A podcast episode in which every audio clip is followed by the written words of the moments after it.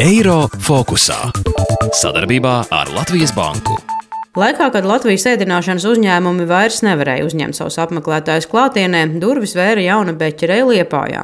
Jaunais uzņēmējs jau vairākus gadus strādā aizputē un izdomājis, ka uzņēmējdarbība jāpaplašina. Tas sakrita tieši ar šo pandēmijas laiku, stāsta Sandrs Štāls. Sāk domāt kaut kādas iespējas, kā var, ja gadījumā kaut kad nākotnē kaut kas atkārtojās, tad, nu, lai būtu tā, divas šīs vietas, kad ja vienai gadījumā iet sliktāk, vai ar otru var kaut kā, nu, tā kā piesekt, nu, lai būtu tā, tā kā drošība nedaudz. Bet šajā situācijā sanāca tā, ka tā otrā vieta atvērās tieši nedēļu pirms sākās ārkārtas situācija. Sarežģītāk tā situācija bija nekā bija plānota. Tagad par peļņu runāt nevarot. Svarīgi ir noturēt esošos darbiniekus, jo atrast kvalitatīvu konditoru nesot viegls uzdevums. Uzņēmums atbalstu nevar saņemt, stāsta Andris Štāls.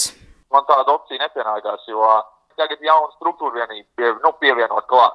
Skatoties pēc tiem kritērijiem, kas ir vajadzīgi tur apgrozījumam vai kaut kam tādam, nu, es īsti neiekļaujos, jo man tagad viss summējās kopā. Un tāds kriterijs par, pieņemsim, skatoties, vai palielināt izdevumu, vai palielināt darbinieku, tāda kriterija nav.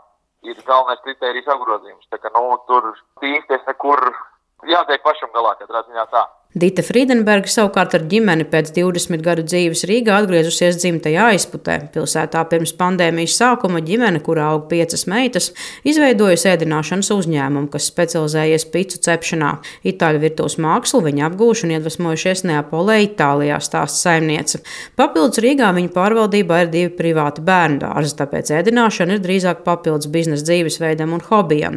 Taču arī viņus, tāpat kā citus, skar pandēmijas laiks. Kāda situācija ir pašlaik? Savulaik atklāja pizzerijas saimniece Dita Friedenberga. Nu, mēs ar bažām, jāsaka, Ziemassvētku brīvdienās mums bija um, tāda neoficiāla atvēršanās, nevis atvērts restorāns, bet līdzinešanai. Un domājam, kā mums klāsies. Un tad mēs visas brīvdienas, tad viss cits bija slēgts, veikali un visas kafejnīcas tad mēs strādājam. Un mums klājās fantastiski labi. Cilvēki daudz pavadīja laiku laukā, eh, ar ģimenēm, brauca kaut kur gāja, cauri braucot uz Pāvilos, uz Jūrkalni. Tad, kad uzzināja, ka mēs esam atvērti, tad uh, mums darba netrūka. Mēs no 12 līdz 8 jāsaka visu laiku nepārtraukti vajag sviedriem strādājām. Uzņēmējs spriež, ka šajā laikā būtiski ir pielāgoties un nevis gaidīt labākus laikus. Tie ir galvenie atslēgas vārdi pandēmijas periodam. Runāt par iespēju prognozēt pircēju plūsmu un ienākumu šobrīd esot neiespējami. Mums divas mēnešus pirms Ziemassvētkiem, tad, kad mēs nebijām atvērušies, tad mums bija divas mēnešus darbinieki, kas pieprasīja dīkstāvus pabalstu. Jo tad mums bija absolūti ienākumi, absolūti nulle un tikai remonta kafejnīcā. Tad, tad, tad bija tāds, tas bija liels atspējas, ja godīgi. Es nedomāju, ka tas tik ātri beigsies. Ir jāmēģina pielāgoties šai situācijai un jāskatās pavisam un jādomā pavisam savādāk nekā mēs domājam pirms tam. Pagaidām bezdarbnieku rindās nesot daudz cilvēku no ēdināšanas uzņēmumiem, spriež Liepājas domas ekonomikas nodaļas vadītājs Ārnis Vītos. Taču reālā situācija var atklāties, kad lielākā daļa ierobežojumu beigsies. Tad iespējams kāds no uzņēmumiem var arī darbību pārtraukt, kā tas notika jau šoruden Liepājā. Nu, uz doto brīdi mums ir uh, kaut kur aptuveni 70 uzņēmumi, kas darbojās ēdināšanā, izmitināšanā un uh, nodarbina aptuveni 1300 cilvēkus. 41 uzņēmumi saņem uh, atbalstu darbinieku algām, vai nu dīkstāvs pabalsts vai subsīdija darbinieku algām.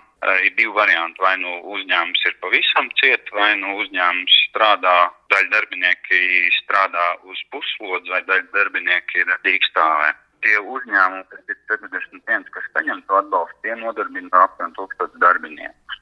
Tā lielākā daļa uzņēmumu kaut kāda veida atbalstu saņem vismaz darbinieku algām. Arnis Vītols ieskicēja situāciju nodarbinātības jomā Liepājā kopumā, ne tikai ēdināšanas nozarē. Nav tas kāpums strauši, pieņemsim, ar ūdeni 100, 200 nāk klāt, bet tā problēma varētu rasties tad, kad varbūt beigsies šie atbalsti kad uzņēmumi varbūt nespēs pilnībā atgriezties biznesa vidē un nodarboties ar pilnvērtīgu uzņēmējdarbību. Iespējams, ka tad varēs just to bezdarba līmeņa pieaugumu. Tikmēr Kuldīgā jūtams, ka ēdinātāji un izmitinātāji sākuši savā starpā sadarboties.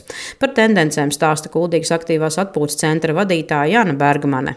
Piedāvājot aizvedot uz numuriņiem vai uz apartamentiem brokastis pusdienas vai vakariņas piegādājot. Līdz ar to nu, tas arī tāds salīdzinoši labais stāsts ir pašu uzņēmēju starpā šī sadarbība, kas ir aktualizējusies tieši šobrīd. Cilvēkiem nav iespēja tad, ēst uz vietas, un līdz ar to, lai tas nebūtu jādara ārā apstākļos, tad, tad naktsmītņu īpašnieki ir šādus piedāvājumus nodrošina un skatāmies ar vien vairāk, tad īpaši brokastis un vakariņas.